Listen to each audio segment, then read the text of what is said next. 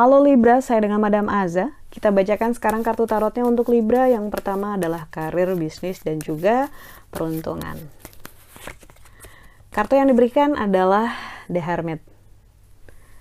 Kartu The Hermit ini seorang pertapa yang saat membuat keputusan selalu memikirkan gak cuma jangka pendek tapi juga jangka panjang dan dampaknya ke orang-orang di sekitarnya. Kartu The Hermit ini juga sebenarnya mempelajari tentang masa lalunya dia. Biasanya nih, uh, di masa lalu pernah mengalami kekecewaan atau ada kegagalan atau mungkin dikhianati gitu ya dalam hal pekerjaan ataupun bisnis gitu ya. Kartu The Hermit ini ibaratnya kayak tidak ingin mengulangi kembali tapi juga tidak ingin membawa bitterness, tidak ingin membawa kecewaan, tidak ingin membawa amarah atau apalagi dendam, cancel cancel cancel ke masa depan gitu. Jadi kartu The Hermit ini adalah tentang proses mengolah diri sendiri supaya semua yang terjadi di masa lalu menjadi bekal yang baik. You can be bitter or you can be better gitu kan. Bisa jadi pahit atau bisa jadi lebih baik gitu.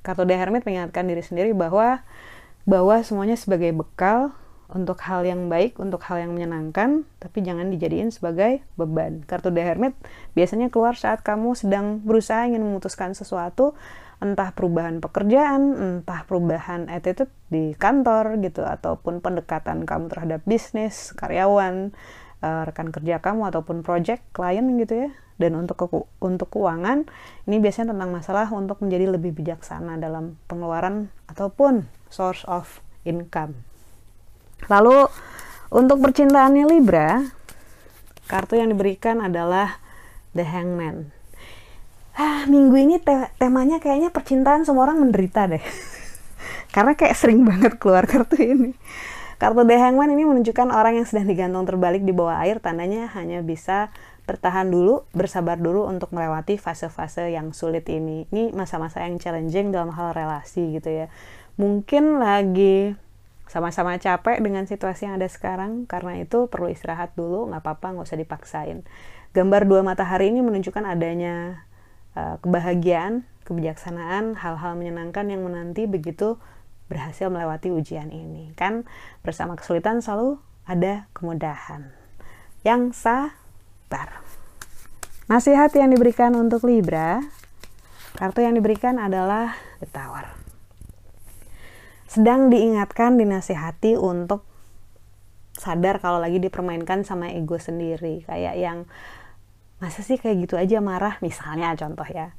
Masa sih kayak gitu aja tersinggung ngomong ke diri sendiri? Gitu.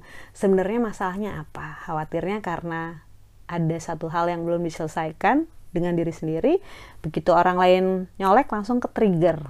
Padahal nggak ada masalah sebenarnya sama orang lain ini contohnya gitu ya.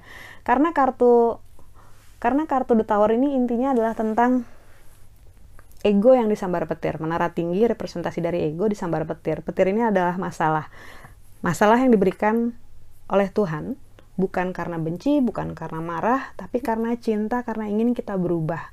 Egonya sedang dihancurkan, towernya disambar, terus dia akan hancur rata sama tanah. Saat rata sama tanah, maka apa?